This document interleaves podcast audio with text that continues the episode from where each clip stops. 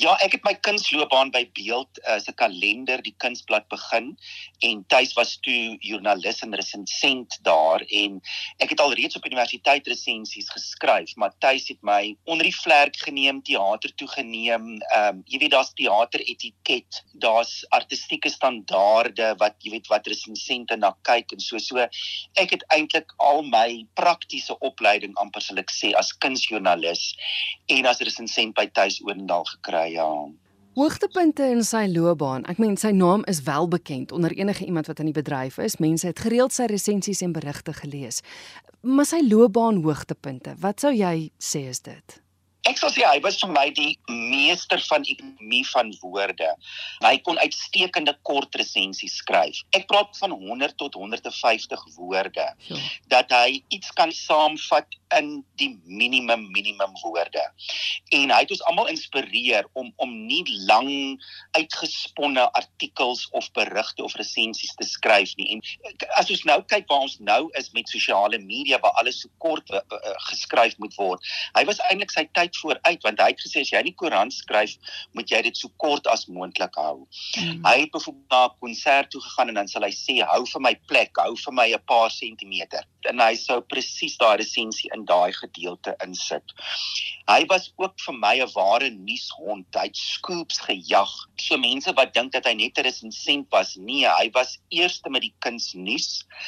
Hy het die minister van kuns en kultuur verantwoordbaar gehou. Hy het opiniestukke geskryf um oor die kunste en hy was vir my een van die mees belese mense. Hy het so wye algemene kennis gehad ook oor sport. Hy was gek oor sport en hy was 'n krangige tennisspeler. So sy kennis het net oor alle velde uh, gestrek hy die New Yorker gelees, hy Time tydskrif gelees en en hy presies geweet wat wat in die wêreld kunste aangaan en ek dink dit is hoekom hy ook soveel respek van die kunstegemeenskap geniet het deur die jare. Weet jy of hy 'n gunsteling genre gehad het? Nee, ek, ek ja, ek dink maar opera en klassieke musiek, maar hy het geskryf oor ballet, oor musiekspele.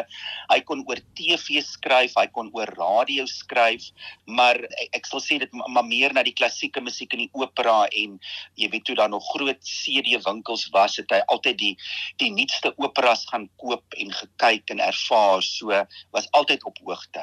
Ons het nou vir tuis verloor, so rukkie terug vir Skalk Skoombie. Dink jy dit is 'n kuns wat verlore gaan? Absoluut en tuis het geveg daarvoor. Hy het geveg vir ruimte in die kunsblad dat daar genoeg ruimte is dat die kunste tot sy reg kom. Jy weet dat die kunste as dit 'n groot kunststorie is dan hy geveg daarvoor dit op die voorblad van die koerant moet wees. So mm. dit is nie 'n mindere veld nie, soos jy weet uh, uh, uh, dat dit dat dit uh, agter in die ry staan teenoor sport of politiek nie. En dan ek dink net sy kennis en ervaring. Ek ek dink uh, uh, as 'n mens nou kyk op sosiale media hoe mense kommentaar lewer um, en opinies uitspreek. Jy weet, tuis was van daai generasie generasie wat genuanceerde kritiek gelewer het. Uh, dit was deurdag. Dit dit was 'n opinie wat gewig dra. En en hierdie goedjies wat net deesdae los uh, uh, uh, losgelaat word of rondgegooi word, het nie daai substans nie. Dit het nie daai kennis nie. Dit het nie daai insig nie. Hmm. So vir my was dit uh, hy het eintlik daai veld goud gelaat, die veld van kunsjournalistiek. En en ek weet nie of daar nog 'n generasie is wat daardie kennis het nie wat soveel statuur het nie. Tuis het statuur. Ek glo as hy by die by die Guardian byvoorbeeld in Brittanje gewerk het, sou hy die die toppunt van sy loopbaan bereik het omdat hy uh, so 'n volwaardige kunsjoernalis was. Ons het nou gesels oor sy loopbaan. Hom as mens, hoe was hy? Ongelooflike sin vir humor. Daar daar was jy sou altyd gelag het vir is. Ehm um, so ernstig soos hy was oor die kunste, so kon hy grappies maak. Hy het ook al jy weet hy was altyd ge geveg vir regverdigheid en hy het dikwels gesê God slaap nie. So hy was uh, ek sal sê hy was 'n kampvegter vir die kunste en en ook in, wat 'n mens moet onthou in in die, in die klassieke musiek in Suid-Afrika. Hy het baie van die jong musisi raak gesien en en basies hulle loopbane voorspel.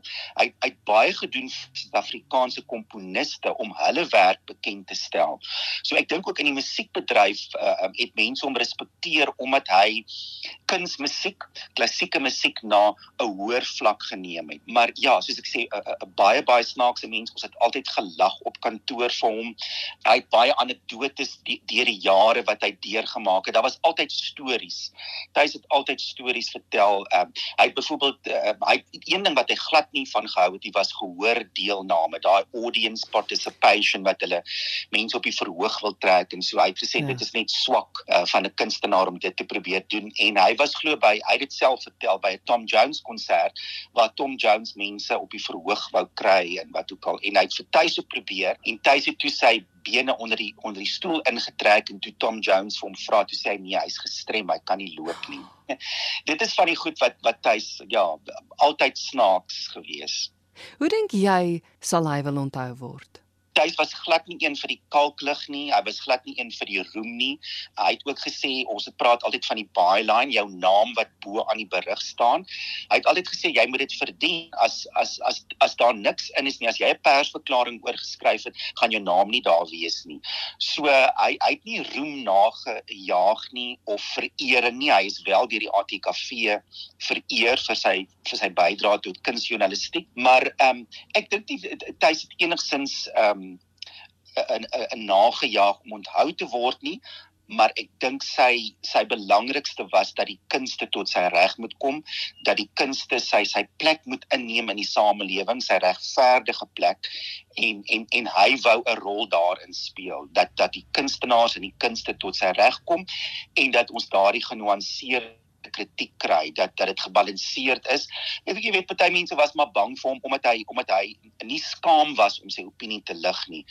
Maar maar ek dink hy was eh, meestal geregverdig in sy kritiek en ek dink dit is waarvoor hy onthou sal word is dat hy het 'n bydrae gelewer tot die kunste.